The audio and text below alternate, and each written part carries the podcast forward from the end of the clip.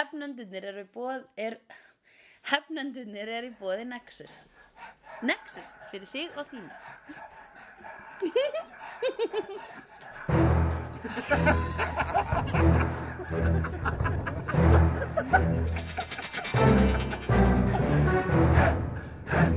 Heard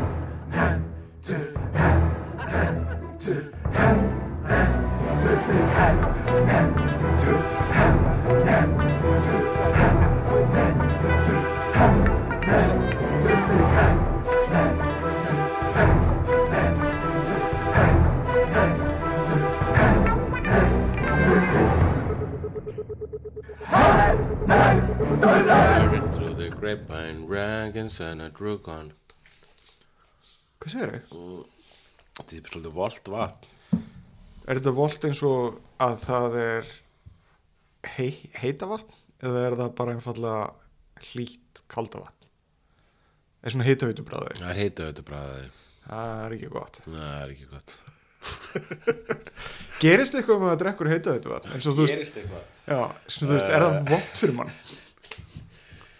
Nei, jú, maður verður svona maður verður aðeins leiðari þann daginn, svona neikvæðari maður drekkur heita auðvitað maður veit ekki, svona, ó, það er rosalega eitthvað neikvæðar í dag það er vegna svo drast heita auðvitað Já.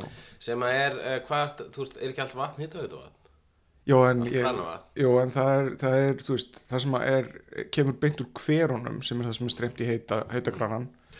Það er öðruvísi, þú veist, það er, er alls konar efni í því. mm. Hittir neyslu vatn. Já, Það er búið að síja eitthvað draslu úr. já, þegar maður Taka- drekkur taka þefinn úr því. heita auðvitað þá er maður líka mann maður minna hva, hérna, hvað fólk heitir og svona ef fólk sér hæ og eitthvað svona bara, bara hver, hver er þetta? Það er vegna að hver að vatn. Fannst þetta góður brandari? Nei Fannst þetta ekki? Pínu, ég, Fannst þetta góður? Ég ætla að standa- Hann var ömulegur nei, ég ætla að standa með Ha, plataði þig Ég ætla að standa það. Hvað er hérna pappakröka? Hvar er pappakrökk? Það er það partíð um daginn, kjarnið á fimm ára.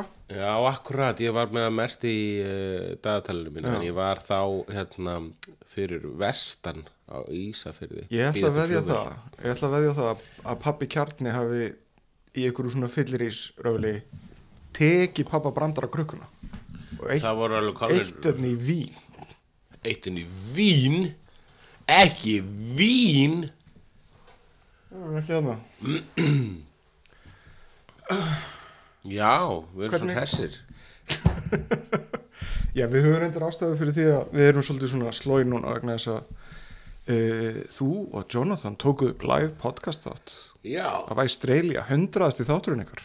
Hundraðasti þátturinn í Australia var fluttur live uh, í gær Já. og uh, það var haldið upp á það með innbyrðingu alkohóls Já. þar að leiðandi erum við meirir menn hér í dag Ég var, fór reyndir að hugsa minni og var að fylgjast með ykkur. Frábær þáttur, by the way. Hvað Sérstaklega að góður hábúndur með hákallinn. Hákallin, já, akkurat, við borðum hákalli byrni Já. Já, Uh, en ég, ég fór um þetta að hugsa um hundrasta þáttin á hefnendum þegar við hættum og ég sá svolítið eftir því að þetta hafi ekki farið einhvern veginn út á stærri þætti þetta var svona Ég man ekki hvernig hundraðasti, já, hafa bara svona við eitthvað til að já, Death of Hefnendurnir, við tókum þetta Já. á daskaraliði og síðan tölum við og þetta var bara svolítið trist. Þetta var sorgmætt stund einhvern veginn. Ég man, ég man nú bara eftir því sem einhverju ágætu ég meina, ekkert, það var ekkert slæmt við Ég þetta, man alveg þegar, ég kvaddi þig þá, þá var ég bara svona, oh, finally Þú fjöldi alltaf aldrei að enda.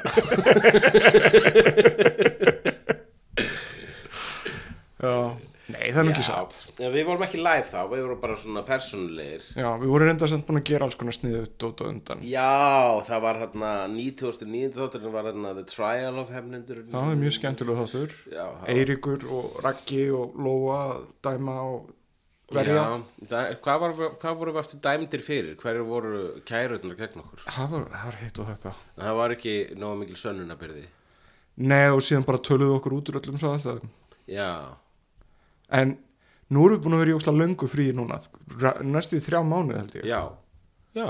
Við erum búin að taka svona alveg sveitt og feitt gott sumafrí Sko, alvar Mm?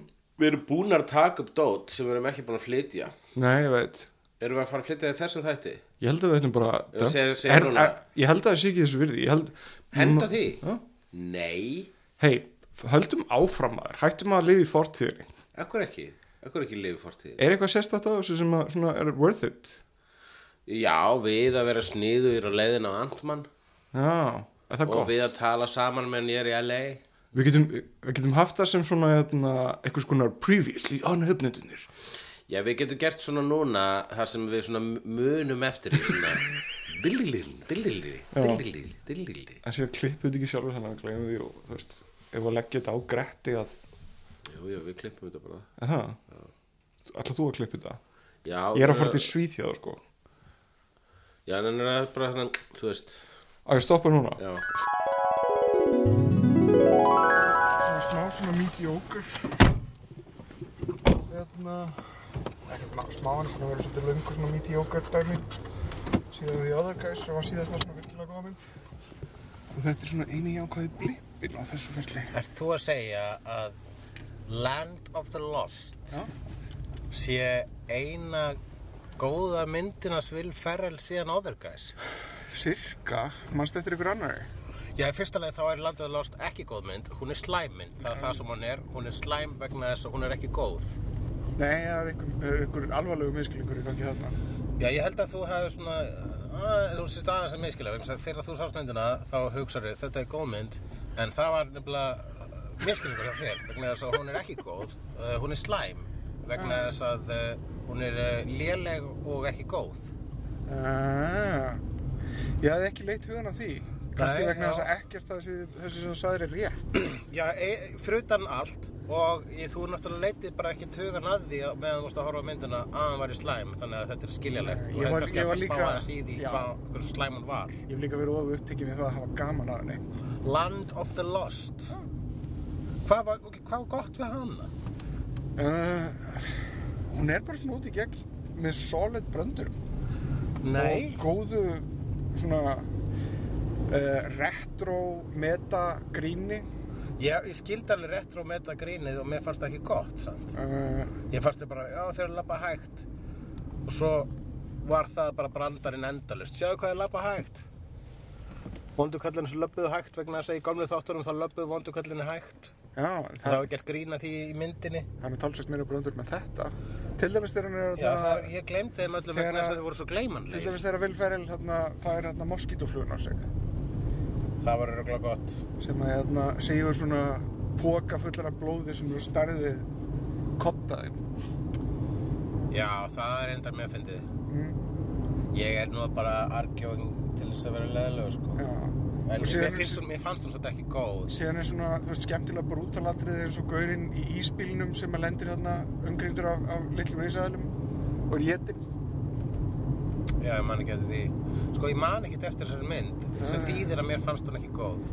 Eða þú kannski sopnaðir yfir henni og Nei, nei, ég sá hana til enda og ég man að ég hugsaði Svolítið leðileg mynd. Það var það sem ég man. Já, stundum er maður bara Herðu, eitt reyndar, mér langaði til þess að árspa þetta. Ok, góð slæm uh, mér finnst og allt það. Aha. Stundum eru myndir bara ágætar en þær eru ekki slæmar þótt að þér finnist ekki gaman að þeim. Ó, áttu við að mína skoðanir eru mína skoðanir. Já. Það var það sem þú reynir að segja. Ah, En það er nefnilega það, en hefur þið getið að þetta er bara blown. Þetta liggur samt í orðfæri okkar að við segjum þetta er slæmmynd Jú, ég veit það, en ámar þá er- alltaf að segja mér finnst Já, Já, erum við þarf það vók fyrir ekki að ég ætla nú ekki að Þetta móðga, snýst ekki um sko. það að vera woke. Ég ætla ekki að móðga þitt svona fegurðaskinn Ég ætla alls ekki að trafka á þínu fegurðaskinni Þannig nei, að þú hefur fullklar réttið að finnast sko uh, Hérna, Land of the Lost vera góð mynd. Ég er ekki að segja það, ég er bara að segja að mér finnst Í mínu mengi Ja. Land of the Lost vera slæm mynd. Ok, ok, flott, flott. En uh, þú fórst með þetta slóður sem ég átti ekki alveg vona á vegna þess að þetta snýst ekki um tillit sem ég gangvart öðrum Eða vera vók eins og þú orðaðar það. Jú, en mér finnst það pínu snúð tillit sem er vegna þess að Það þeirra er það sem, samt ekki það sem ég er að meina. Nú ert að búa til einhvern strámann sem að ég er ekki einu svona að tala um. Já, ég skal taka hana stráman að mér núna. Ok, uh, Hérna vegna þess að til þess að gera það sem þú gerir við stráminn er að ráðast af strámannin sem þú bjóst til í staðan fyrir að actually engage við það sem ég er að segja. Nei, ég er ekki engage við það sem þú ert að segja að ég er nefnilega sammálaði þessu sko. uh, en nema ég er sammálaði á tilfinningarlegri nótum og rauninni uh, uh, hérna að, já, skal sko segja það sem ég er að hugsa er það að alltaf þegar einhver segir eða mjög oft fyrir eftir einhver sem bara sla, góðan dagmaður á eða whatever já, þegar einhver segir hérna mm, bara fokkið þól ekki Marvel eða eitthvað svo leis fokkið þól ekki hvað annað fíla maður. Já, þú veist, Star Trek er drasl Já. eitthvað svona. Þá verður maður stundur svona sár. Já, og maður verður svona "Ah, já, mér finnst það fallegt. Mm. og þar leiðandi sko, hérna kemur, uh, kemur um eitt stað umræðin svona já, en getur svo all, alltaf ekki virt skoðanir okkar sem að finnst þetta að vera gott? Já, uh, sem að er svona samtal sem að ég hefa oft átt sjálfur sko. Já, ég, ég hef varið mínar eigin land og það lost myndir. Já. Ég, ég svolítið sko, fyrir mér er þetta bara spurning um það að hafa réttar skilgreiningar á hlutun að þó að þú tengir ekki við eitthvað eða finnist ekki eitthvað skemmtilegt þá hefur það ekkert að segja um gæði myndarinnar. Já, en hérna en hvernig eigum við þá að svona hafa þá svona disclaimer þegar að við ætlum að töða um eitthvað í hefnöndum nei. um að hérna um að bara bæði vei uh, þó að við séum segja þetta þýðir ekki að það sé þannig. Já, ég meina það er það sem er á undan öllum svona network svona gaggarínstátum þetta eru skoðanir einstaklingarna sem uh, það er fullir það, bla bla bla. Þú veist, já ég, sko, ég meit og þetta er náttúrulega bara skoðan einstaklingsnins uh, uh, ég. Nei, ég meina ég sko ok, ég, ég samt er kannski meira að tala um þetta frá mínum eigin bæturum Já. að mér langar til þess að fara varlegar í það hvernig ég tala um svona vegna þess að mér finnst þetta ekki ég veit ekki, þetta fara, fara í tökutan á mér? En Ævar, þú ert svo eini sem ég á þessi samtöl við. Já, ég veit það Þegar öðrum finnst mynd slæm sem ég finnst vera góð þá bara svona, oh, ok, cool, whatever. En þegar þú, þegar þú ert ósamlega þá fer ég í eitthvað svona brjálaðan gýr og, og töða og, og, og er leðilegur og það er einn tækifæri sem ég hef til þess. Ég- Það þarf að taka það frá mér. Nei, nei, nei, en þú veist ég Þú myndi bara að hætta því sjálfur? Nei, nei, ég mynd, nei, nei, nei, ég er ekkert að fara að kvart um það Ég get alveg talað um það sem ég fannst objektíft slæmt eða illa gert í hlutum. Já. Það er ekkert að því. Uh, En ég meina, þetta er svona besta tökum sem samtal dæmi. sem við nokkuð tíma ná En tökum sem dæmi solo Þetta er kompetentli gerð mynd. Virkar, flott virkar. og allt í henni virkar Já. nema allt sem að kemur út um munnunum á leikarunum. Já, og þú, jæna, þú tengdir ekki við hana þér fannst hann ekki skemmtileg. En þú fannst þú samt, fannst þú samt skemmtileg. En það, samt sko, þú veist, fyrir orðalagið í æ, mér ástæðan léleg. Æ, Já, hún það er bara svo leiðilegt að horfa á óslega flotta mynd og frábæra mynd og bara svona, já, þetta er geðvett, þau hefur bara ekki gert þetta. Þetta er æðislegt, þau hefur bara sleppt þessu. Það er bara það sem fór í gegnum hausin á mér um endur tekið í solo og mér finnst leiðilegt að eiga þá tilfinningu en ég verð náttúrulega að segja frá þeirri tilfinningu í hefnendum. Já, Til þess eru við, við verðum að hefna. en þú veist, ég get sagt mér fannst hún léleg versus hún er léleg. Er þetta að segja, ok, er þetta að segja mér að ég verði núna alltaf að segja mér finnst í staðin fyrir þetta er? uh, get ég gengið út frá því vísu að þegar þú segir hún er léleg á sérst að meina ég tengd ekki við hana Ég, það, ég held að þannig virkar vegna þess að þú getur líka talað um myndir sem eru bara ógeðslega lélegar Já, en ég er ekki hvort eða menninu töfra power sem að gera myndir officially lélegar með því að segja að það séu lélegar. Nei, en veitum, þá er maður búin að lömpa öllu myndinu saman einhvern veginn í mér finnst hún léleg í þegar það eru myndir sem eru bara virkilega lélegar, illa gerðar, eins og Justice League til dæmis, Já, en, sem eru bara léleg mynd. en ef ég myndi segja Justice League er awesome segja það, að þá, þá myndir þú þá að segja op, op, op, op, þú átt við mér finnst Justice League er awesome nei, í þessu Og- tilfelli þá myndi ég segja, þú hefur rámt fyrir þér, vegna þess að hún er objektíft mjög Já, léleg já, nákvæmlega eins og þú hefur ránt fyrir um að landið að lost sér góð mynd. Eh, Hún er góð. Já, en, þú er sko ránt fyrir þér. Þú veist, afsakið, mér, finnst þú hafa ránt fyrir þér En ég virði rétt þinn til þess að vera ósamála mér í því tilfelli Já, ég þarf að hringja hérna. Ok Mm, Hefnitunir er í bóði Nexus. Eh, Nexus, það er búð sem er í Nóatúni en hún var líka einu sinni áður á öðrum stað en hún er ekki lengur þar og við munum alltaf eftir því skipti sem hún var þar. En hún var jafn góð í bæðir skiptin ef ekki betri núna. Jú, ég myndi segja betri núna, það er meira dót og svona þetta er Já, aðeinslega búð. Það er júliútsala Já, það var ógeðslega mikið af bara öllu og þetta er ekkert svona fake útsala eins og sem að með kringlunni gera. Þess að þið taka allt svona drastli sitt og svona losa sig við það. Eða merkin sem er eitthvað búin, þetta er alvöru útsala það sem að alvöru hlutir eru settir á útsölu. Óvænt skoðun þín, óvænt skoðun spratt hann með þú veist og það hefði sitið á hann hérna, það var ekki svona fake útsala eins og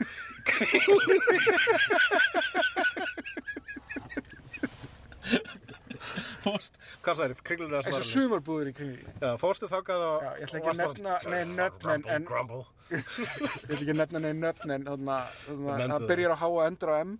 Oh shit. Það, þú veist, ég fór þarna í kallaliðina þá, þú veist, þið voru að auðvitað útsölu. He-Man. Ekkert, það er- ekki, engi kallið fyrir útsölu. Ég þarf að hætta að gangi H&M ég sammála Jonathan að það, það var eins og merkjum það að maður fór til útlanda. Já, nú er þetta ekki merkjum neitt núna, Núna er þetta bara háðan svona- ekki merki um neitt. Nú er þetta bara svona merkjum það að ég stýð barnaþrælkun. Já, ég skil. Ég finnst H&M vera sko, fyrir mér er það svona hérna uh, redding. Veist, ef ég er útlöndum og pakkaði létt og hugsaði bara, æ, ég hoppi bara í H&M og kaupi hennar skýrtu og whatever. Það er H&M fyrir mér. Ég er bara svo æfintrilega lélegur í að velja mér föt til þess að uh, kaupa og klæða mig í Finnst þér að þú þurfur á kannski svona hvera að halda? Já, alveg það. öruglega. En mér finnst samt, sko, ég vil, ég vil eiginlega ekki vera stylish, ég vil bara einhvern veginn functionality og að það sé einfalt og þægilegt. Það var einhver uh, Twitter vinkona sem að spurði ég vildi geti sagt Hæ hæ Já hann segi sæl. Eða Óli. Uh, við erum að taka upp. Hei, hæ, Zoom. Það var einhver hérna uh, sem sé, einhver, einhver vinkona sem ég vildi óska að sé mun, mun- muni hver var á, á Twitter sem að sagði hver myndi þið uh, velja í íslenska hveræ Yeah. og ég byrjaði bara strax að tellja upp alla samkynna karlmenn sem ég þekki og um leið hætti við að svara vegna þess að mér fannst ég alltaf að vera bara svona ó já, bara, bara vegna þess að þau eru svona. en líka, maður þurfti að velja sko, það, það er einn stæl það er einn sko matargæi Já. einn eh, innan húsgæi Uh einn fatagæi Já. einn hárgæi Já, og kultúrgæi já. Hárgæðin sé líka um húð og ég þekki bara kultúrhóma ég þekki ekki mikið af svona hárgræslu og fatahómum Já, Æ, Ég þekki hann nokkra ok. Ég veit ekki hvort er lengur slægi að segja hommi Já. En byrju, ertu, ertu sérst að gefa í... Já, er það? Er það vissin? Sko, Voru þeir ekki búin að taka orðið tilbaka? Jonathan heldur að þýði Film Actors Guild orðið Ah. Hann sagði, oh, Það- that's Icelandic for that Og ég bara, uh, nei Hver sagði hann að- það? Það er, einhver sagði nú það og, og, og, og ég, það var með þessi live Australia og það voru sakinni karlmenn í salnum sem sagði bara nei, nei, nei, nei, þetta þýðir bara, þú veist, bara gay gaur Já, Jonathan er er fólk- stundum ekki alveg upplýstast í maðurinn. Nei, hann er alltaf ástrali, sko Já. Og Uh, Jonathan er alltaf að segja við mig bara svona Já, just like Nathan Journal said Ég bara, who's Nathan Journal? Nathan Journal, famous guy in Australia Hann er alltaf að gera þetta Já, Alltaf svona að vísa í einhverja ástralska celebrity Já. en- sem er ekkert, er að því við vísum í Bubba og whatever já. Nema hann ger alltaf ráð fyrir að við vitum hverju það eru Uh, Ég held að, sko Ástralir haldið að þeir séu stærri en þeir eru mér finnst þetta að vera hrós. Þannig að gera ráð fyrir því að þú leitir mjög langt út fyrir þinn eigin menningarheim. Og Já. sért vísari heldur ert í raun og veru. Já, mér finnst það vera mjög lúðalegt, sko. Mér finnst það vera mjög lúðalegt bara fyrir að, þú veist, ef þú ferð til Danmerkur og við að fólk viti hver Björgun Halldórsson er, þá ertu þú veist lúði.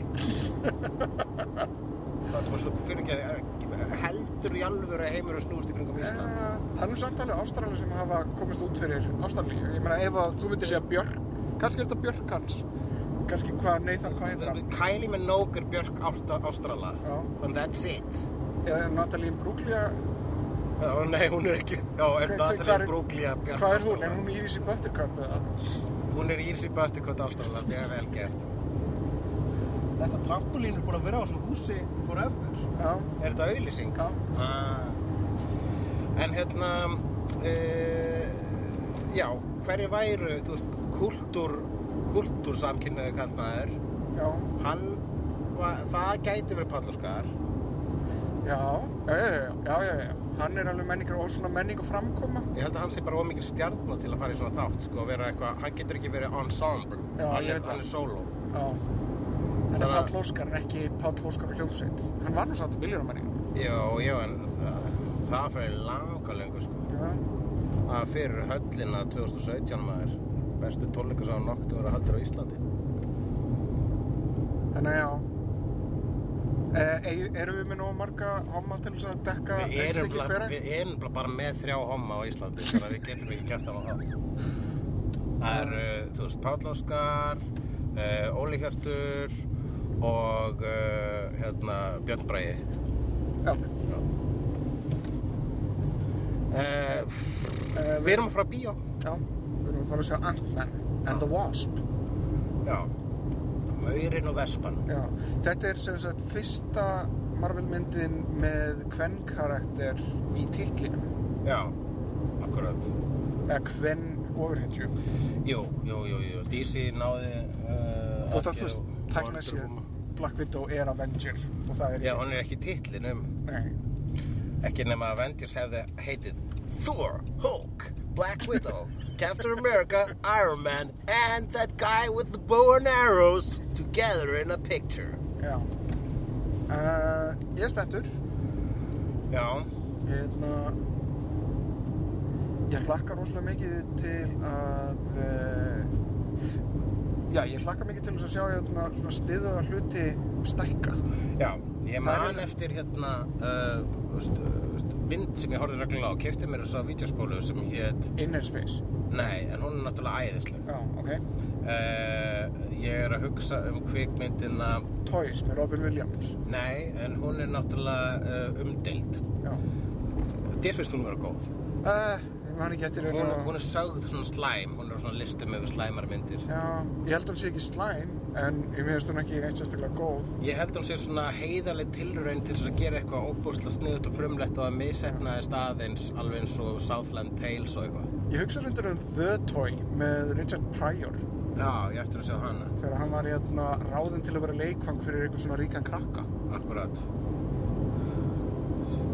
Mjög hljómar super racist. Er gaurinn Alla- pissa eða er hann býða? Nei, ok Sumir, sumir pissa og býða í einu. Já, uh, hvað er þessi mynd sem að þú varst með á, á spólu?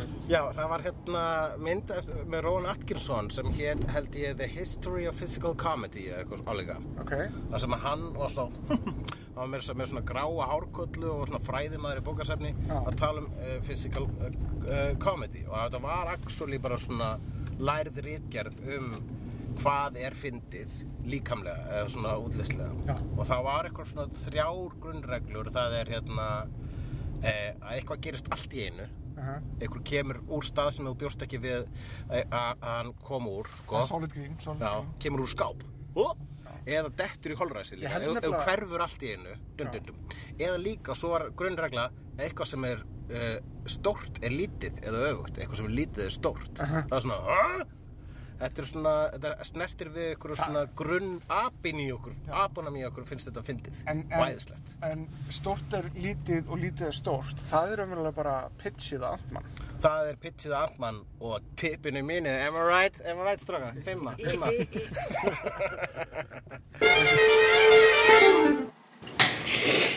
Já, góðan daginn, uh, Ævar. Hvernig er, hvernig er veðrið þarna á Íslandi? Um, Regning, Rigning. alltaf fucking regning Já, en var ekki eitt sólardagur um daginn? Tveir Tveir? Einn og hálfur, cirka Næs, ok, þá sem er búið, en ég vona að þið hafa notið þess. Hei Alltaf klassíski brandarar Þetta er reynda búið að vera svona Þetta var nú eh, ekkert brandurinn. Þetta er búið að vera svona harkalegt sumar Ég, ég er svona fann að finna fyrir sumar þunglindi Já, þú ert ekki búin að fara út, Araði. Nei. Nei, Nei. ég fór í apríl En það er ekki sumar Uh, uh, Ég er að drekka kalt Síðan- kaffi, ískalt kaffi. Ok Er það eitthvað svona Californian thing? Ég það er ekki svona Californian. Jesus, það er allir alltaf með eitthvað sitt á mann vegna þess að maður er í Kaliforníu. Sorry að segja að njóta lífsins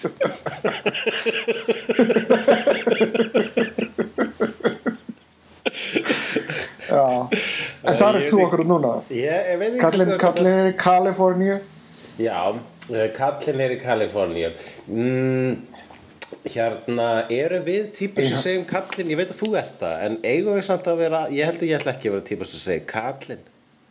Kallinn er, Eh, kallinn er þetta- Kaliforníu Það veit ekki, mér finnst, finnst óþarfi að það sé einhverja típur sem einhvern, einhvern enga rétt á, á að kalla kalla hluti Já, það er rétt hjá rævar, ég veit ekki hversu ég datt hérna í, í flokkadrættis e, í klísjumengið En uh, minn kæri herra, jú ég er í Kaliforníu, hér er ég að drekka kalt kaffi úr ískáp uh, DDR unit.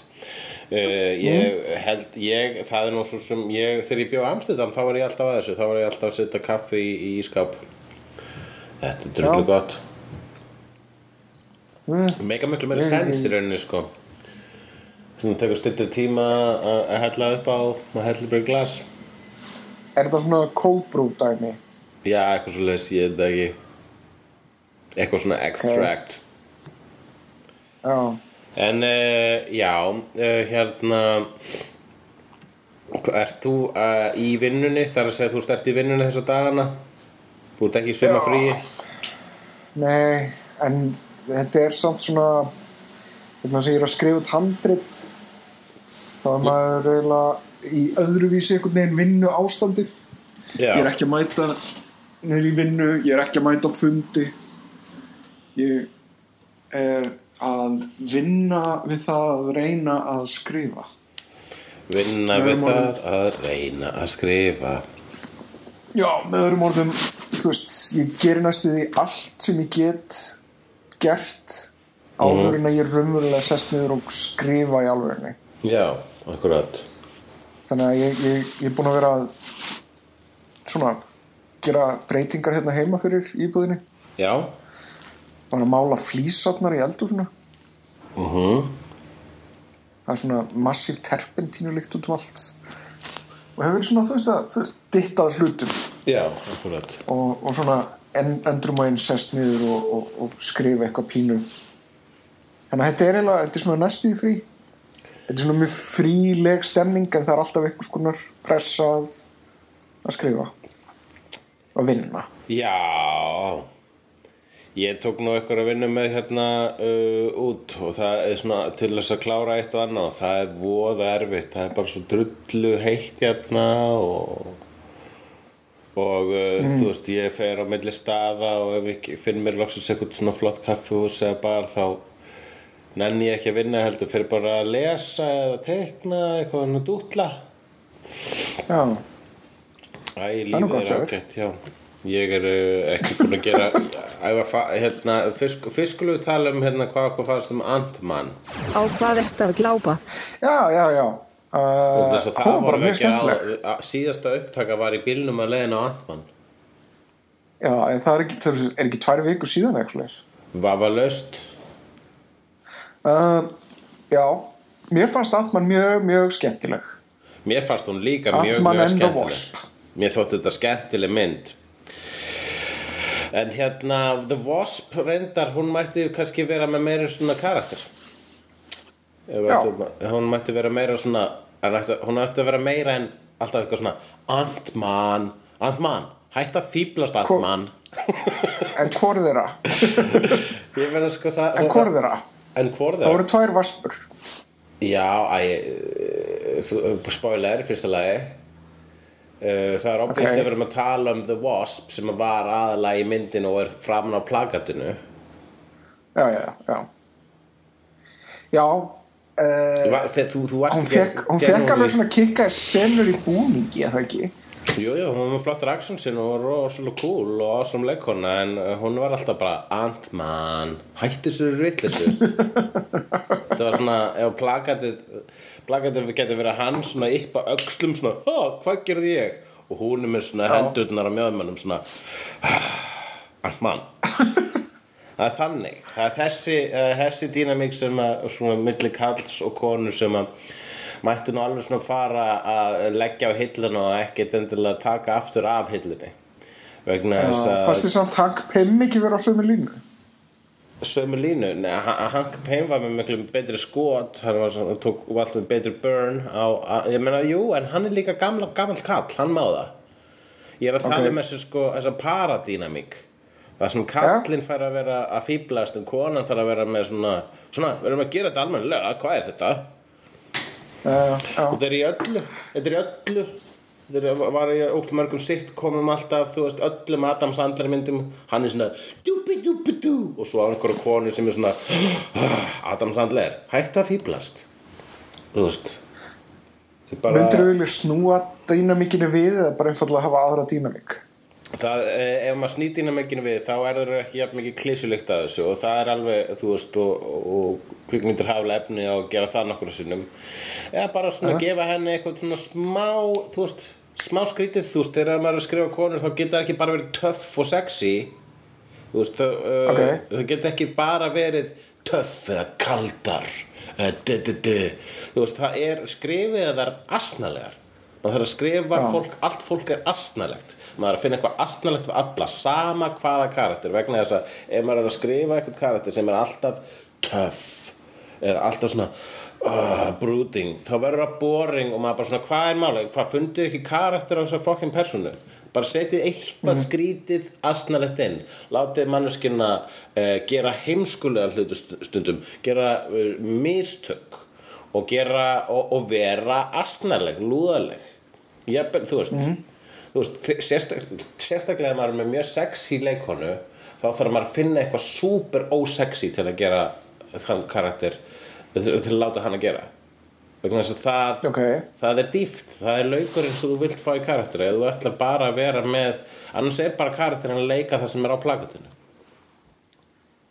já hm. Þetta ekki samanlega því? Jú, ég er allavega ekki ósamála Ég Já. bara veit ekki samt hvort að þú veist e, það er náttúrulega maður notar mennsku eða svona eða, e, sína veikleika til þess að búa til mennsku. En hérna þarf til að vera þú veist já. Þetta er svona eins og hérna, þú veist Bruce Willis í Die Hard. Mm, að hérna, e, við finnum til með honum alveg allra, allra mest þegar hann er nýbúin að stíga glerbrotin Já, það er bókstaflegt. Það er bó, það meiða sig allir fyrir að stíga glæðbrót það var ekki neitt eitthvað svona í hans karakter sem bara, ó, hann er svona típa sem meiði sig þegar hann blæðir. Það er ekki, það Já, er ekki ok, hann var að skilja, hann var að rífast við konuna sína, hann var óörugur það, í, það er allir drullu saman um það. Hann var hann var óörugur í kringum allt ríka fólki vegna þess að þetta var ekki heimur sem hann átti heimi er einhver sem horfir Die Hard og er svona, oh, hvernig ætlum líði í sambandi við skilnaðin það er engin, engin það Nei, er það- skrítið fólk sem hugsa þannig Nei, veistu það, þetta er allt saman hluti af því sem að gera mennskan og Nei, það ge- var ekki- breytti raunverulega Það var- overheadju aksjónfíkurinni með mennskasta honum sem hann John var, hann var, McClane gerði var það að Ok. okay. í, í mynd nummer þrjú þegar það var þunnur þá fyrst bara svona, oh shit hann þarf að bjarga borginni og hann er þunnur. Því alveg, þá fyrst var maður svona ah, ég skilði bróðir. En í mynd nummer 1 og 2 þú veist aldrei, þú veist, það mennskasta sem hann gerði reyndar í uh, eitt var þarna kreppa svona tætnar það var svona flott aðtöði, svoleiðis svona skrítið furðutótt um, vegna þess að lífið er skrítið aðsnæðlegt en ef að sko, þú veist, það er það bara, þú veist, það að hann sé að skilja það er bara svona, oh John, þú ert alltaf svo mikið í vinnunni vegna þú ert svo mikið lögga. Það er ekki eitthvað svona vandamál sem tengir við.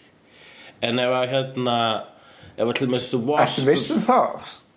Æ, þú veist, það er boring vandamál.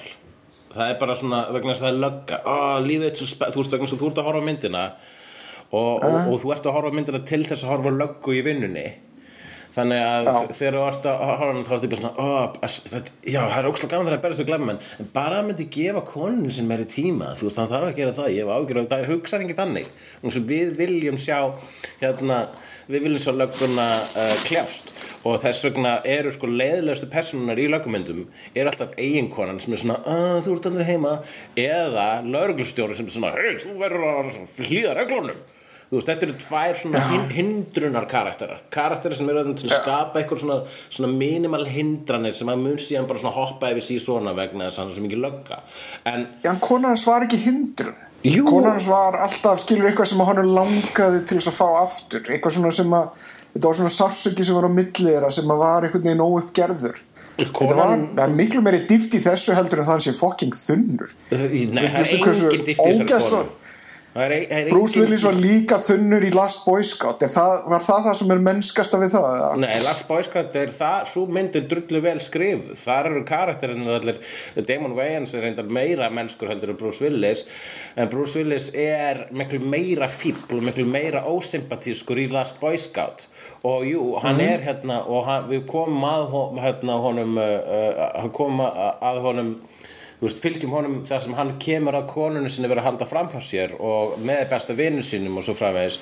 Að heyrist, heyrist þessi læti núna? Núna er aftur byrjuð læti í kringum mig. Heyrðu þú þau? er eitthvað pínu.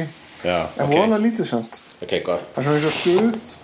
Já, það er einhver bóra hérna einhvers já, en ok. Og hérna já, þannig að þú veist, þingan er það sem, það var alltaf þunni í Last Boy Scout uh, en það var bara, þú veist, fjölskyldu karakterinir voru bara miklu betur skrifar dóttirinn hans og bara þessi klassísku Shane Black atriði.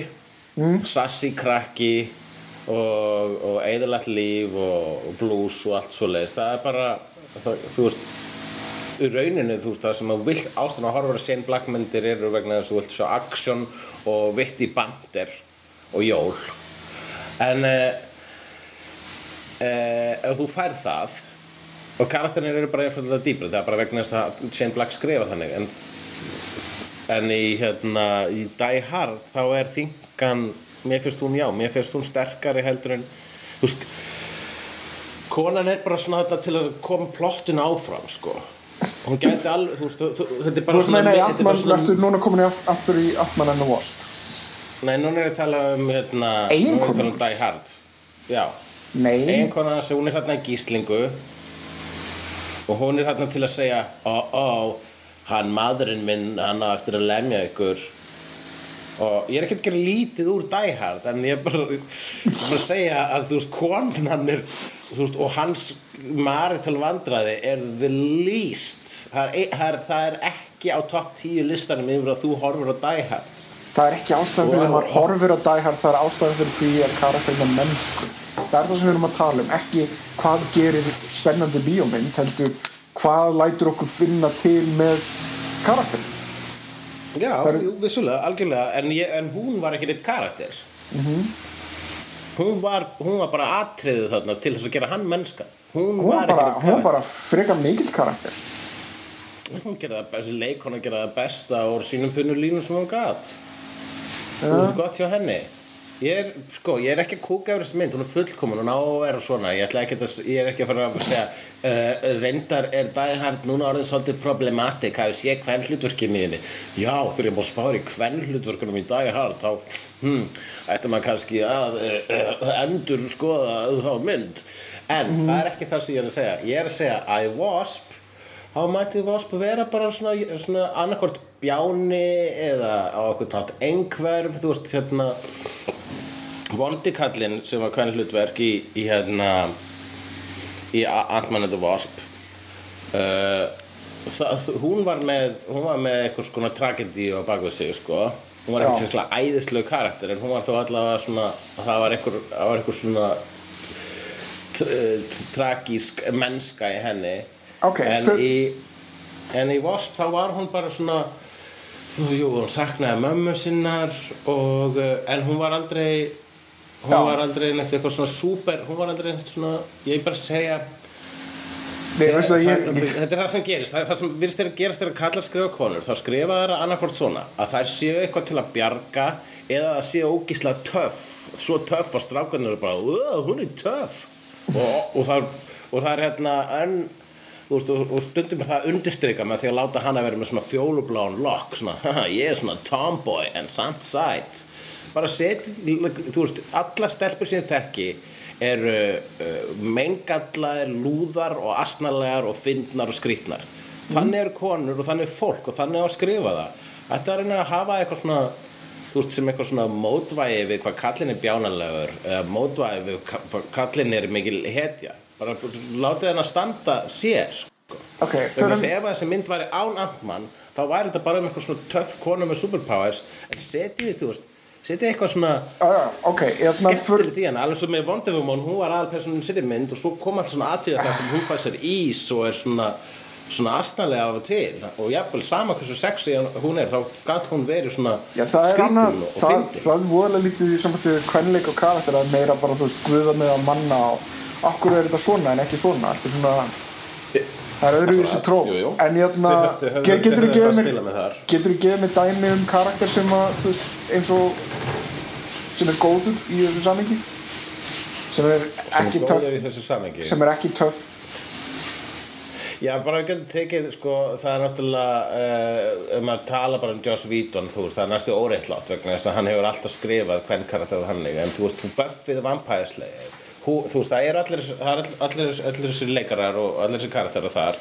og allir eru með sína galla, Willow er nörd en samt úrslega sterk og Uh, og Sander er hálfviti en samt síðan með eitthvað svona rosalega hérna, samt getur hann samt er hann sér hann mennskuna betur en allir aðrir og eitthvað svona. Og, og, og Cordelia er, er bitch er satt með hjarta og gulli. Uh, og, og Buffy er samt, hún er ekki sko þessi miðja þú veist bara, hún er ekki þessi stólpi sem er stanslögt að treysta á vegna svo hún er svo rosalega töff og veit alltaf hvað hann gera vegna svo Buffy, hún er lúði líka hún gerur oft lúðalega hluti og astalega hluti og, og og læt, gerir svona facepalming hluti. Og hún gerir mistök. Ok. og hún er óréttlátt stundum. Og hún síðan, hún bjargar hann því alltaf að loku með því að gera réttu hlutina eins og þannig að þannig virkar uh, hetjusagnarstruktúr og ætti líka að gera. En þú veist, það er bara til dæmis mjög gott dæmi um aðalpersonu, hvern personu mynd sem að þú veist það sem að uh, já, bara personan er meira en plakatið. Já. Um, ég er, ég er svona veltaði fyrir mér hvort að við getum þessari mynd en hún, hún, hún, var, hún var aðalega sko þegar hún fekk til, þegar hún var fekk tallínur það var það mjög oftast bara svona einhvern hálfparti til að skamma Antmann og Já. þá er það orðið næst, það er næstu orðið svona gamla nagging wife trópan sko alright uh, bara, já. Ó, hann, þegar okkur, er, okkur býður að alltaf eftir því að svona ég tali og þá byrjar þú að tala? Eh, Ég held að sé eitthvað svona synkvandamál hlýtur að vera. Já, eh, ég er svona um það til að fara að segja eitthvað og þá byrjar þú að tala oninu Já, ég byrst Fallout en það er nú, hérna, það, ég byrst Fallout þegar ég sé grípa fram fyrir þér, það vildi ég nú alls ekki gera. Já. Uh, Getur þú fyrir kemur með það? Ég get fyrir ekki það. Ég, ætla, uh, ég ætla að færa mig yfir í ætla, ef við tökum karakter eins og ætla, karakterin í Gilmore Girls eða Marvelous Mrs. Maisel. Eða ég ætla allar konunnar í Friends. Já, um, hvernig er, er reglum með gaman karaktera frættu mig ég, ég, menn þú ert bara að velja og slá, bara koma og slá góð dæmi. Bæði í, Ma Gilmore Girls, Marvel Smith Maisel og uh, Friends þá eru hvern karakterinir allir með sinn karakter. Þá er það, þá er það allt mótaði karakterar sem eru ekki e, þarna til þess að einhvern veginn endur spekla kallkarakterina þannig að þetta er allt bara óslega gott og frábært og það og þú veist, er- hvernig reglurnar í gamandæmi ég, það er bara, þetta er bara spurning þetta hefur ekki spurning hvort það sé gamandæmi eða, eða dramadæmi þetta er bara spurning um að skrifa þessa karaktera að sem annað heldur en eitthvað svona fyrir karl karakter til að bánsa off Já, eh, ég er samt svona einhvern veginn, mér finnst ákveðin double standard í þessu vegna þess að kallkarakterar mega vera voðalega fullkonir og, og eðna, uh, töff og harðir og cool og eitthvað svona. Á þess að sína einhverja mennsku og, og þeir njóta alveg verðingar ekki hjá mér. Þá ertu bara að að tala um alla karaktera, ekkert endilega hvern karaktera og það, þetta hafi að verið tala um með karakterina í Ant-Man and the Wasp Já, ég er að tala um það. Nema það bara fer meiri töðan á með þegar það er með hérna uh, hvern karakter það er bara meira þannig. Já, Það er ég bara að tala um þetta ójafnvægi. Já, Þess vegna þess að ég segja, ef, ef, að, ef að Ant-Man and the Wasp væri þar sem væri öfugt farið, þar sem hún var í trúðurinn og hann væri svona, ah, hörru, við getum ekki verið að fíblast allan tíman, þá hérna, e, þá er það eitthvað sem hún hefur ekki séð jafn oft og þá myndi ekkert fara jafn mikið í töðunar af mér. En hin liðin þar sem að hérna, kallmaður er farið að vera trúðurinn og konan er skammarinn, það er eitthvað sem maður séð allt of oft. já, hvernig Uh, og ég bara vil sjá minna af því og ég líka bara, þú veist, að, þú veist ég er ekki að segja það, þú veist, að hún er líka að vera að fýblast það er bara að gefa henni eitthvað gefa henni eitthvað uh, eitthvað fyndið, eitthvað skrítið eitthvað svona, huh, ok. Uh, Ef að færa okkur yfir í hvað að gerast? Já, en svo það sé á hreinur Ant-Man and Wasp ógeðslega skemmtileg mynd og þetta er bara svona minniháttur issue sem við hafði við þá mynd. Ég myndi kalla þetta frekar stóra issue sko. Nei, Sorry, Einn aðal personan fyrsta hvern ofurhetjan frá Marvel sem að er á front plaggati og, og, og, og nafnið hennar í fin- Já, fyrsta sem er titlinum Já. og, og nú Blackwitt og ræta hann alveg á Blackwitt Já, já, já, rétt hjá þér en, ég, en þú veist, hún er Avengers hún er hluta af einhverju hópmengi en þetta er, þeir lögðu þetta fram sem já, fyrsta já. ofurhetjumyndin um hvern, með kvenkins Já. en hún var alveg já. hliðarkarakter þar og hún var í fyrirmyndinu mér fannst hún ekki Næ, ég myndi ekki segja það. Mér fannst hún ekki fá nógu Ég myndi mikið. segja Mér fannst Wasp fá alveg rosa mikið screen time. Ég maður eftir að mæla það en mér fannst að hennar screen time alveg vera uh, hérna þú veist, vegna þess að hún er í titlinum þá er hún mér finnst það alveg hennar screen time alveg hérna, hvað segir maður, vera sambarilegt við það. Réttlæta það að hún er í titlinum. En hérna og líka hún var alls ekki træðilega og eitthvað boring. Nei, en veistu það, Eh, hún var ég- samt ekki mér fannst hún ekki múfur og shaker í sögufræðinu vegna þess að ef þú hefur tekið hana út hún var svona tilfinningulegum mover and shaker í þessu sambandi við móðu sinna Han, Hank Pym var alveg jafn mikið þannig að ef þú tekur hana út og lætur bara Hank Pym hafa þessu tilfinningar þá myndi það vera alveg nóg. Það, það þyrft ekki hann þú gætir klift hana út alveg komplett úr handreitinu Já. og tekið myndin upp á nýtt og bara látið Hank Pym taka yfir hennar skildur og en þau voru alltaf að bjarga hvora öðru sko hún var alltaf að bjarga rassinum á Ant-Man og Ant-Man að bjarga rassinum á henni og, svona. Ok. og það var þeirra samstarf og þeirra hérna, þú veist Uh, það, fannst mér frábært actionatrið þau myndum mig bara á gamlu comicsum gamlu comicsum þegar Ant-Man og Wasp voru að berja saman þá var hérna þá samstarfið, það var æðislegt. Það er það sem ég elska við sko team-up overhitju myndir þegar það gett þegar hérna, þegar tvær overhitjur látnar starfa rétt saman sko, og svo og þar, hún var hérna og shaker í óslega mikið af actioninu. Við fyrsta leið þá var þessi mynd þetta var, var MacGuffin mynd uh, if there ever was one vegna þess að það var alltaf verið að elta hérna einn hlut, það var fullt af vonduköllum og góðum köllum að reyna að, hérna, að keppast um einhvern að ná einhverjum hluti the MacGuffin. Og hún var á fullu í því þannig að svona actionlega það var ekki hægt að klippa á myndinu hún myndi ekkert make a sense Já. ef hún er klift út þess að hún var mikill burðar betið þar. Já, ég held að veist, það eina raunverulega sem heldur í myndinni er samband hennar og uh, Scott Lang uh, sem að var ekki neitt sérstaklega, og- sérstaklega þroskað samband sko, eða, eða, eða komið látt á veg. Það er bara, voru, þau er voru svoleiðis. skotin í hvort öðru og síðan leiði eitthvað tími og núna hataði hvort annað. Já, eða, ha, hún hatar hann. eða, hún sorry, reyð út í en, hann sorry, en mér finnst það ekki vera óraunsætt ástarsamband Mér finnst það bara, sé það gerast. Já, mér fannst hún samt alltaf einhvern veginn framlenging af pappa sínum En, þú veist, myndin er samt skemmtileg. Stendur það Erum við ekki allir framleggingar af pappa okkar? uh, Herðu, skellum okkur í hvað er að gerast. Hvað er að gerast? um, Já, Disney ætlar að uh, gera nýja Clone Wars þætti. Það Já, verða akkurat, tó- ég sá einmitt hérna ég bara horfið með Didi á þátt þannig Já, bara í fyrir dag það er sem sagt hérna uh, sko ok, Clone Wars þeir hættu framleiðslaðum eftir að Disney kefti þetta.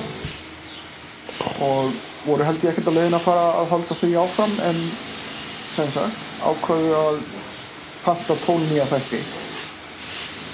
Mig grunar að þetta sé eitthvað svona syndication ploy eða eitthvað en I don't know Þetta er allavega sagan heldur áfram. Horfur, hefur hort á meira en hérna hálf, halva þátt með Didi Ég sé nokkru þættir svona hér og þar.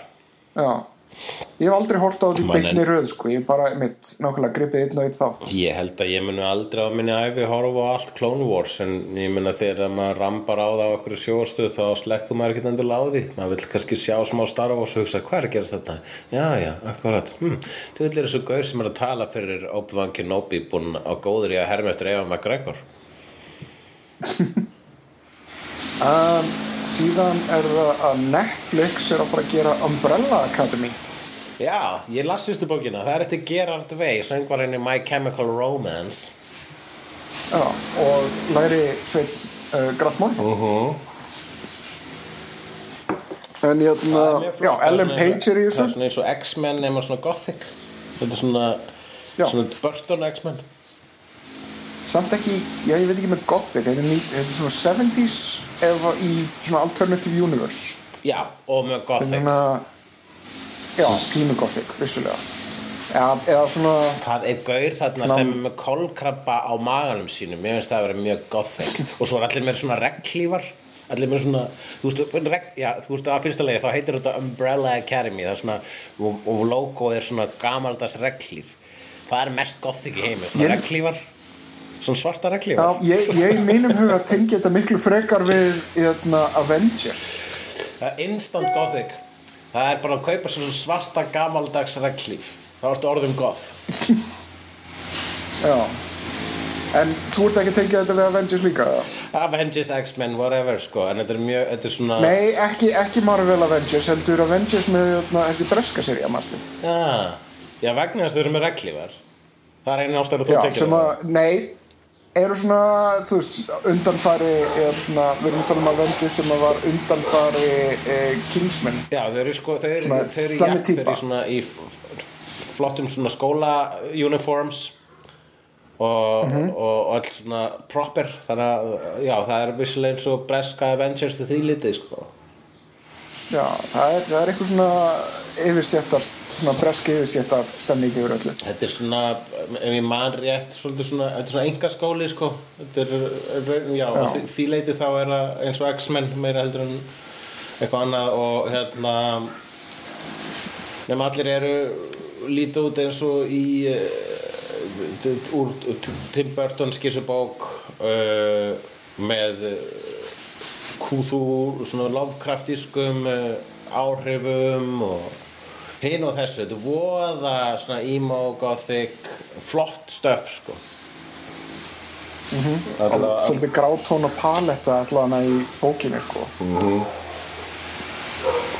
En herðu, Já. síðan er meira. Uh, Why the Last Man pilot er að fara í tökur hjá FX Ok, þannig að þeir ákveða að gera það að sjóastáttum það var einhvern veginn pæling að hafa bíómynd en sjóastáttur er miklu betri pæling Já, þeir eru, ég held að það væri alveg bara tilvalið sko. En þeir eru núna að klára casting. Já, uh, þú ert meiri Why the Last Man aðtóndeldur en ég. Ég hef lesið það allt. Já, ég hef líka lesið allt. Mér finnst það frábært þú stöf ert fyrnar að því en ég. Mér finnst það teikt rosalega teikt. Já, en ég held að það sé alveg hægt að gera helviti góða því. Já þetta er samt sko, þetta er enn, enn, enn, einn svona apocalypse-seria Já. Hvað enn einn þá? Ég finnst það orðnar ansi marga Það er Walking Dead? Já, og? Maður sjá um, ég man ekki leikur nöfnum á þessum öllum. Apocalypse series sjá sjá The Last Man on Earth, Fear the Walking Dead Falling Skies, The 100 The Last Ship, Sea Nation Jericho, Dominion Battlestar Galactica, Under the Dome Extinct, Survivors Salvation Hendur Dómur, það er Jimmy and the apokalypse serið Er það, Já, ég menn það er svona allt samfélagi breytist eftir eitthvað já, einum bæ. atvik sem að einagra Jeremiah. Já. Ægilega flesti þetta eins og þú hérna, tilur upp eru þetta sem ég hef ekki séð vegna þess að líti ekki náðu spennandi út. Já, þú ert nú samt Apocalypse uh, fan, það ekki? Jú, en uh, það er maður er bara að horfa svo rosalega mikið á sjóarpa bíó núna í gegnum aldirnar. Og þegar stundu þarf maður bara að sjá plakati til að vita að eitthvað sé ekki gott. Og allir minnst Jericho ég bara svona, uh, nenni því ekki. Uh, og hvað var meira svo taldur upp? Hvað, The Egið 100 bætt við Já, uh, 12 Monkeys. Já, 12 Monkeys, ég bara, yes, ég elskaði bíómyndina. Svo trailerinn, ah, nei, ætla ekki að horfa á þetta. Þú veist, það er, það þarf bara, það, er bara- að sjá stundum eitt atriði Bara hvernig stíllinn er, leikstíllinn Bara að heyra eina setningu úr þáttum til að vita "Mm, Þetta hljómar eins og að það er einhver, einhver, maður hafi verið að íta meðalmennsku takan endur tekið til þess að passa að fólk horfa á þetta. Uh, The Handmaid's Tale. Það er gott stöf Ég veit ekki, það er aldrei of mikið heimsenda dæmi fyrir mig. Það er lengi sem bara gott stöf sko. Ég vona klúður ekki Last Man. Ég menna það er skrifað af, af Brian K. Vaughan sem er besti höfundurinn í comics í dag. Ég hef ekki lesið eitt slæmt frá honum og hann er líka alltaf svo ógísla góðu hann er, svo, hann er alltaf svo flottu samstarfi við teiknarana sko. hann er alltaf með hann er, hann ger, hann, allar, allar uh, seríunar hans eru þannig að það teiknarinn er með allan tíman sumir eru með seríu þannig að þið skiptum teiknar á til bara að nota þann teiknar sem er laus og það getur virka, mér finnst það- það virka sérstaklega vel með til dæmis Invisibles og uh, Sandman náttúrulega en þannig var líka kannski bara uh, business modeli þá. En Brian K. Vaughan hann hefur alltaf verið bara hérna, hann og teiknarinn eru samhöfundar frá A til Z og það er alltaf óslega cool. Já, en hann sk- skrifaði líka Under the Dome. Hann skrifaði það var það sem ég fór að segja. Hann skrifaði Under the Dome eða hvað, hann var creator á því, hvað, hvað var það aftur með hann á því?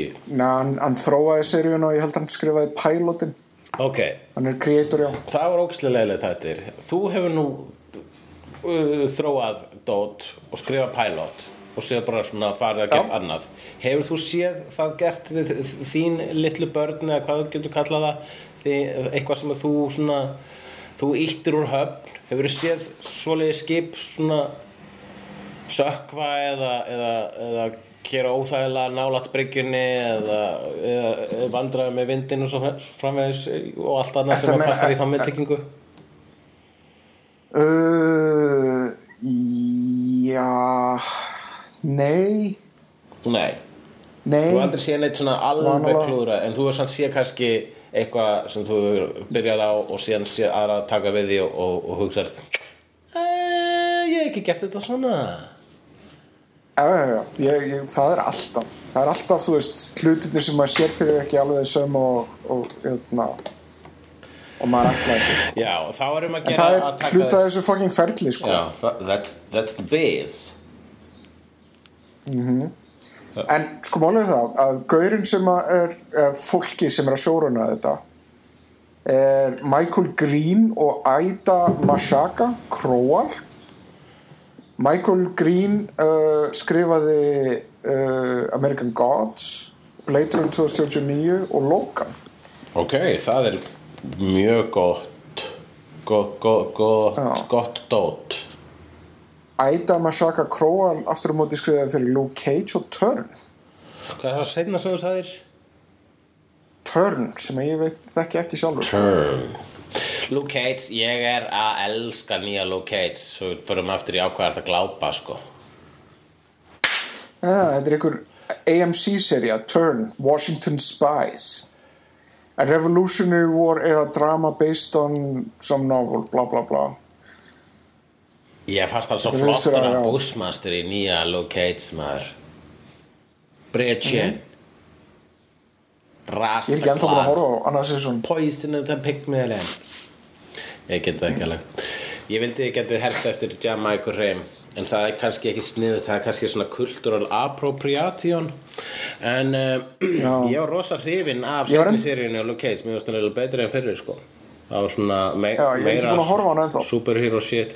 Það sem ég, ég, ég ætla ekki að spoila neitt en þetta sem ég elska við þessu þætti að þeir gætu alveg verið bara ásla leim þú veist, sögutráðurinn gæti verið leim og ég myndi samt nenn að horfa á þá vegna þess að það kemur alltaf svona musical break og það er bara ó uh, undan uh, það er bara óundan te tekið góð tónlist í þessum þáttum. Þannig að alltaf ekki með musical break og við sjáum hver er að, á sviðinu á, Harlem Paradise. Þá er alltaf eitthvað svona awesome tónlistamæður og ég bara, það trubla mig aldrei að bara sagan stoppar í þrjár mínútur sem við alltaf að horfa á live tónlist.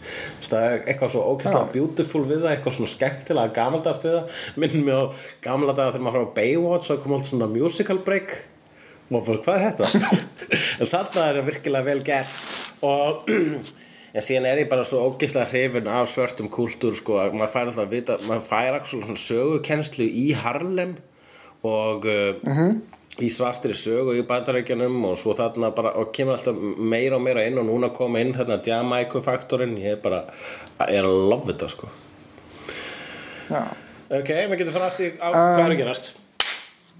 Já um, American Horror Story season 8 er Apocalypse Uh, já, ok, ég hef nefnilega ekki hort á eitt þátt í American Horror Story.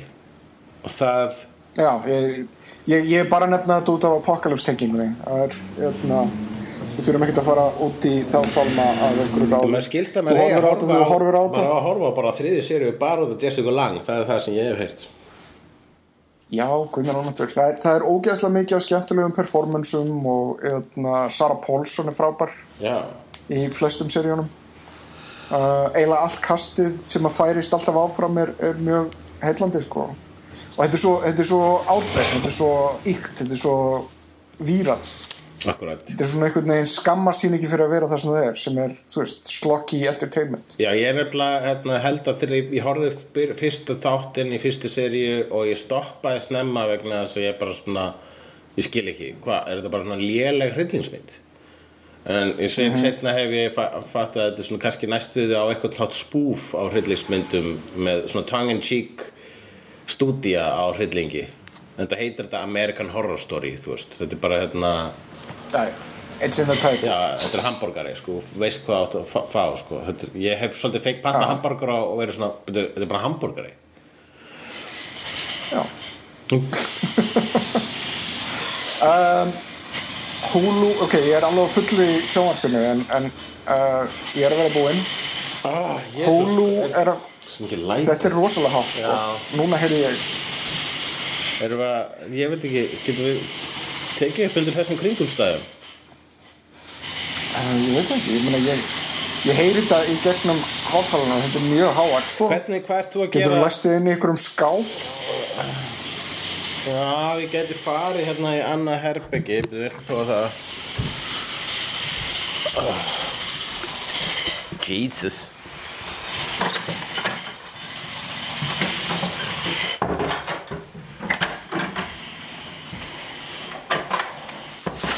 Hvernig er núna? Heyrist bara miklu betri Já, Já, ok um, já ég ætla að klára sjónvarstættina Alveg eldsnögt Hulu er að fara að gera Vampire Chronicle seríu Byggð á bókum Anne Rice?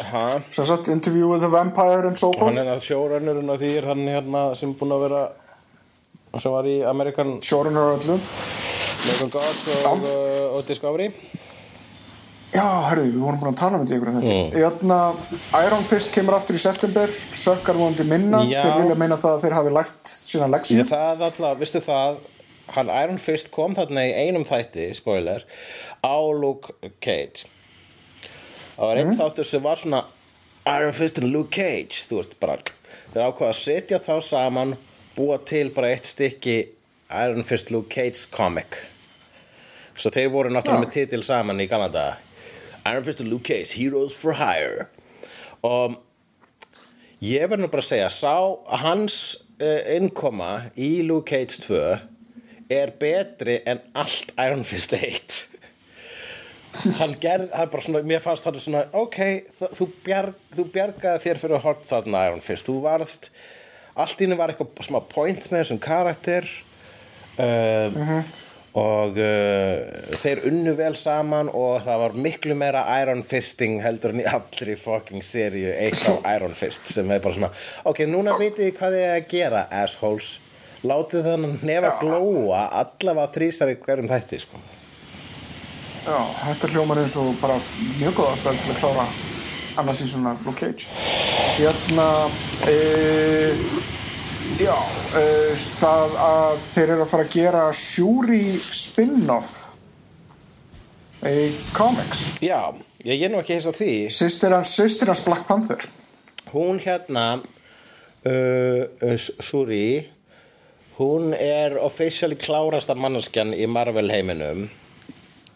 Uh, þeir, þeir, þeir settu það fram hana Marvel Marvel uh, nefndin eða whatever settu bara fram tilkynningu. Bæði vegi Suri er klárarinn Tony Stark og Hank Pym. Og þá var fullt af svona meninistum bara svona og svona dói á meðan þau kúku á sig. Uh, og það, hún hefur sko, hún hefur átti ríka sögu í komiksinu, hún meira þess að varð Black Panther á sínum tíma, var drottningin af Wakanda og svo framvegis. En það sem ég er að spá, sko, hérna Iron Man nýlega, hann var hérna hann varð uh, hann hætti að vera Iron Man og tók ung svört stelpa við sem er minnir að heiti Riri eða eitthvað. Ung 16 ára stelpa sem bara hérna, sem held ég kallaði sig Iron Heart og varð Iron Man í smá tíma. Uh, hérna, þetta var þeim tíma þegar Marvel var bara svona minnihlutuhópar og uh, þannig að það var bara svona Þóri kona og Captain America er svartur og Iron Man er svört kona og uh, svo fræðveis uh, og sem allt saman gott að blessað. En ef þið ætla að gera það sko, ég held að þessi svona smátt og smátt vera að plana það þegar að hann hvað sem hann heitir sem leikur Black Panther hætti því þá haldi Black Panther áfram sem Suri Panther. Og jafnvel þeir blandi saman Iron Man og Black Panther og láti í staði fyrir Riri þá er það Suri sem að fer í Iron Man búningin og hún verður Black Iron, Iron, Iron Panther Já, En- ég myndi giska á það að það séu svona cirka tíu ári þar. Já. Það er ekkert að fara að gerast í bráð, En síðan þegar ég spá í það? Hvað, þú veist, að láta hérna Súri fá leiklana að Iron Man búningnum er eins og að láta, ég veit það ekki, þú veist, láta Evil Knievel fá hérna að sitja á asna, þú veist, þetta er, hún, Já, en það, þú veist, Black Panther er ekki bara búningur, hún þarf líka að taka hana dópið og hún fara að hitta forföðunar já, akkur, og, að, og hérna, það er búið að brenna það allt saman. Ég meina, er eitthvað til eftir, er þetta rækta ný? auðvitað við erum með það einhver starf í öðrum helli. Heldur þetta sé ekki nóg, hérna, heldur þetta fólk sé, hérna, vakanda fólk sé ekki nóg klárt til þess að hafa auka batch í öðrum helli? Mögulega, ég, ég, ég trúi nú vallur. Uh, í fréttum, ef við heldum áfram, það voru nýlega fréttir að Jean-Claude Van Damme var kókaður í drasla meðan að gera Street Fighter. Já, ok. Who knew? Já, ég meina, that's not news, that is, uh, oh, þetta er þú veist svona, Já, þess- þetta er svona, skemmtileg, skemmtileg staðrind. þetta er eins og þegar Ricky Martin kom út úr skápnum sem samkynniður eða það gerir sinni ekkur og fekk á þessu nöðguna kerrum, maður var ekki beint svona hissa, maður bara svona, ó, ó, ó, ó, ok, jú, auðvitað. Síðan eru hvorki meirinu minna en sjö myndir um hróa hött á leiðinni. Já, allar frá sitt hverjum framleiðanda, Já, all over the place. Er Seriously? ég ætla að telja þeirra. Ok. Ég er sjö myndir. Ég hef alltaf verið mikill hróa hattar ádáðandi. já, Ég jafnvel fílaði Kevin Costner myndina. Hún hún er líka Eh, æðisleg. Ég, ég fíla þessa sögu. Um, en, jötna, en það er langt séðan að það hefur verið almennlegur hróa hattur og þessi Ridley Scott mynd var ekki góð. nei, hún var mjög slæm. Já, um, en ok, ég ætla að fara yfir listan svo sem er uh, svona nálegastu tíma er sem sagt Robin Hood með Jamie Foxx og Taron Egerton Taran ég held að Egerton. hún sé bara að fara að kom já, Gaurin í Kingsman Já, já, ok. ungi Gaurin Já, já, já, akkurat, ég á búin að heyra um. Hver er aftur að gera þá mynd? uh, ég man ekki hver er að gera þá mynd. Maður sjá? Ég var alltaf búin að Tara heyra um Jamie Foxx var einmitt að fara að leika Morgan Freeman í, í hróa hætti. Já. Uh, Robin Hood. Þetta myndi vera leikstýrt af honum Otto Bathurst Já, ok. Uh, En framleitt framleitt af Leonardo DiCaprio Otto Bathurst uh, er hérna búin að vera leikstýrt af Peaky Blinders Ok, cool, cool, cool, cool, cool. Eitt góða hlut. uh, Síðan er hérna einhver útgáfa frá Sony sem að kallast Hood sem á að vera svona Mission Impossible Robin Hood og myndi Eh. líka setja upp einhvers konar Robin Hood Cinematic Universe Já, ok. þá eru, konum tvær síðan er þriðja það er einhvers konar Disney útgáfa sem heitir, heitir Nottingham and Hood Mhm. síðan er Warner Bros sem að uh, er líklegast til bara einhvern veginn aðeins öðruvísi Mm.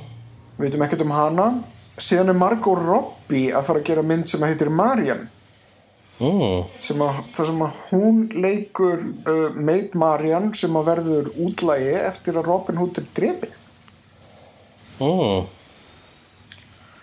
síðan er það Robin Hood 2058 Sem framtíðar Robin sem Hood. er einhvers konar framtíða Robin Hood Ég það vera að mest aðteklisverða hugmyndin hinga til. er það Já, en ég bara er grein- sama saga ég- bara en- í framtíðinni Það er bara vegna þess að ég, þegar þú sagðir hérna uh, að þú væri Robin Hood aðdáðandi þá byrja ég að velta ég fyrir mér, er ég Robin Hood aðdáðandi? Og ég hugsaði, can't say I am.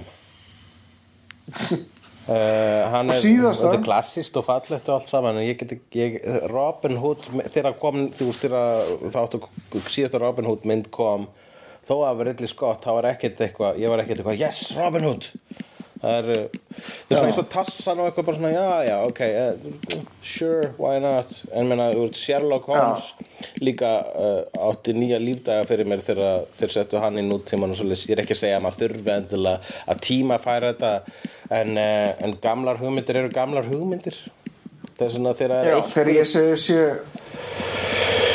þegar það ég segi þessi Robin Hood aðdáðandi þá meina ég að ég var að lesa bókina sem lítil krakki. Akkurat og ég bjóð til boga og örvar og, Já, þú er gen, og langar gen, rosa mikið gen, til að vera hróhættur þú er genuine Robin. Hvað, hvað myndir hérna Robin Hood aðdándu kallast? Hood Hoodie. Já, já, ætli það ekki Hood bara algjör Hoodie. Já.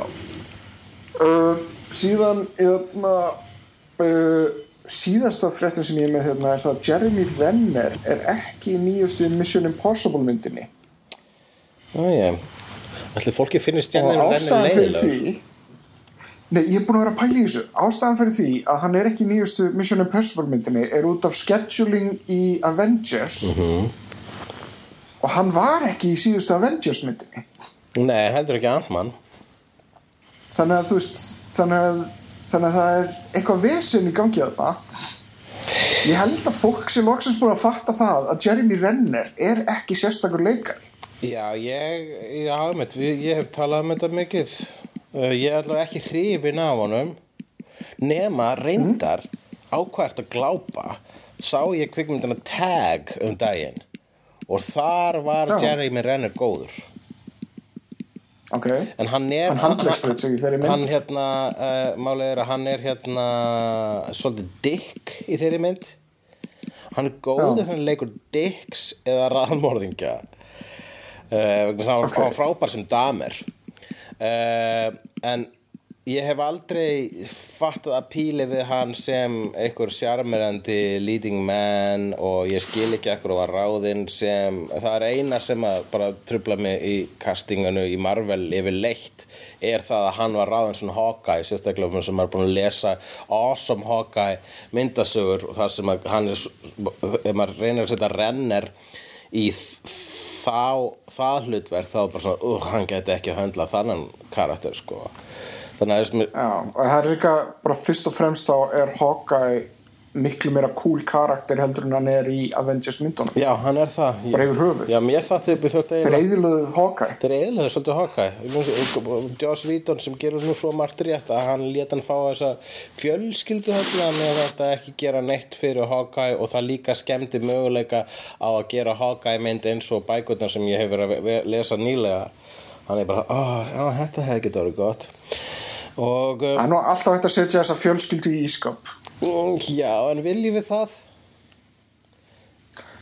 uh, nei ekkert endilega. Ég vil ekki en hérna Ég vil ekki vera að setja a- a- a- þetta ágæta fólk í ískáp það á ekkert svo slæmt skilið það er bara Já, en þetta þýðir það samt að Jeremy Renner skilur, hann er skráður í þarna tvö reisastór franchise, Avengers og, og, og Mission Impossible og er ekki að vera í hvorið þeirra.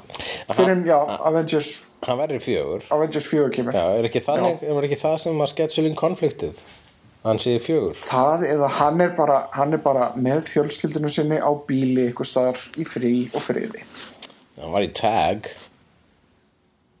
Hann var í tak, það má ekki glema því. Ég held að, að, sko, að ég held að það eru tvær ástöðu fyrir því að hann var ekki Avengers 3 nummer eitt öllum er saman um Hawkeye. Nummer tvö uh, það var þú veist það var nógu mikið af karakterum auðvitað þurftu þeir að sleppa einhverjum og þeir, þeir, voru svona ok, við getum ekki haft alla karakterina það verður of mikið við þurfum að sleppa tveimur, þreimur hérna, obviously Hawkeye hvernig annan? Bara mm, sleppum Ant-Man vegna þess að hann getur komið sterkur inn í hérna númer fjögur og pluss að Ant-Man er hérna með sjálfur sína mynd hérna strax á eftir sko já. Já þeir, þeir hefðu nú alveg getað haft hókað þarna sko. Mm, gera hvað? Jú, jú, hann hefur verið bara svona jafn, þú veist, málega það að til dæmis Black Widow var í uh, Avengers 3 og hún var með ekkert svakalegan burðabita sko. Uh, og sem og margir karakterar súst, og það er bara vegna þess að þú getur ekkert gert mynd þú veist, Avengers 3 er kraftaverk það að þeim tókst að gera mynd sem meikar sens með öllum þessu karakterum er ótrúlegt. Og ég held að þau voru sko, þetta var eins og hérna svona þau voru að jögla hinum á þessum boltum. En ef þeir hefðu bætt við einum bolta eða viðbót það hefðu það hrunið. Og þeir vissu það. Þeir eru það klárir. -hmm. þannig að eh, hérna, þeir bara hugsa ok, við erum ekki, ja, Antman er awesome en við erum ekki að fara að bæta að við erum í þetta jögl, þannig að við erum að sleppa honum -hmm. og allir hvort er aldrei að hafa hóka já. Um, hvað að hérna, henda okkur í er það glápa uh, sko hérna spá, hvað ertu að gera á sunnudaginn? bara skrifa. Þú ert að skrifa, kennst ekki neina upptöku þá? Uh, við getum skoðað það bara.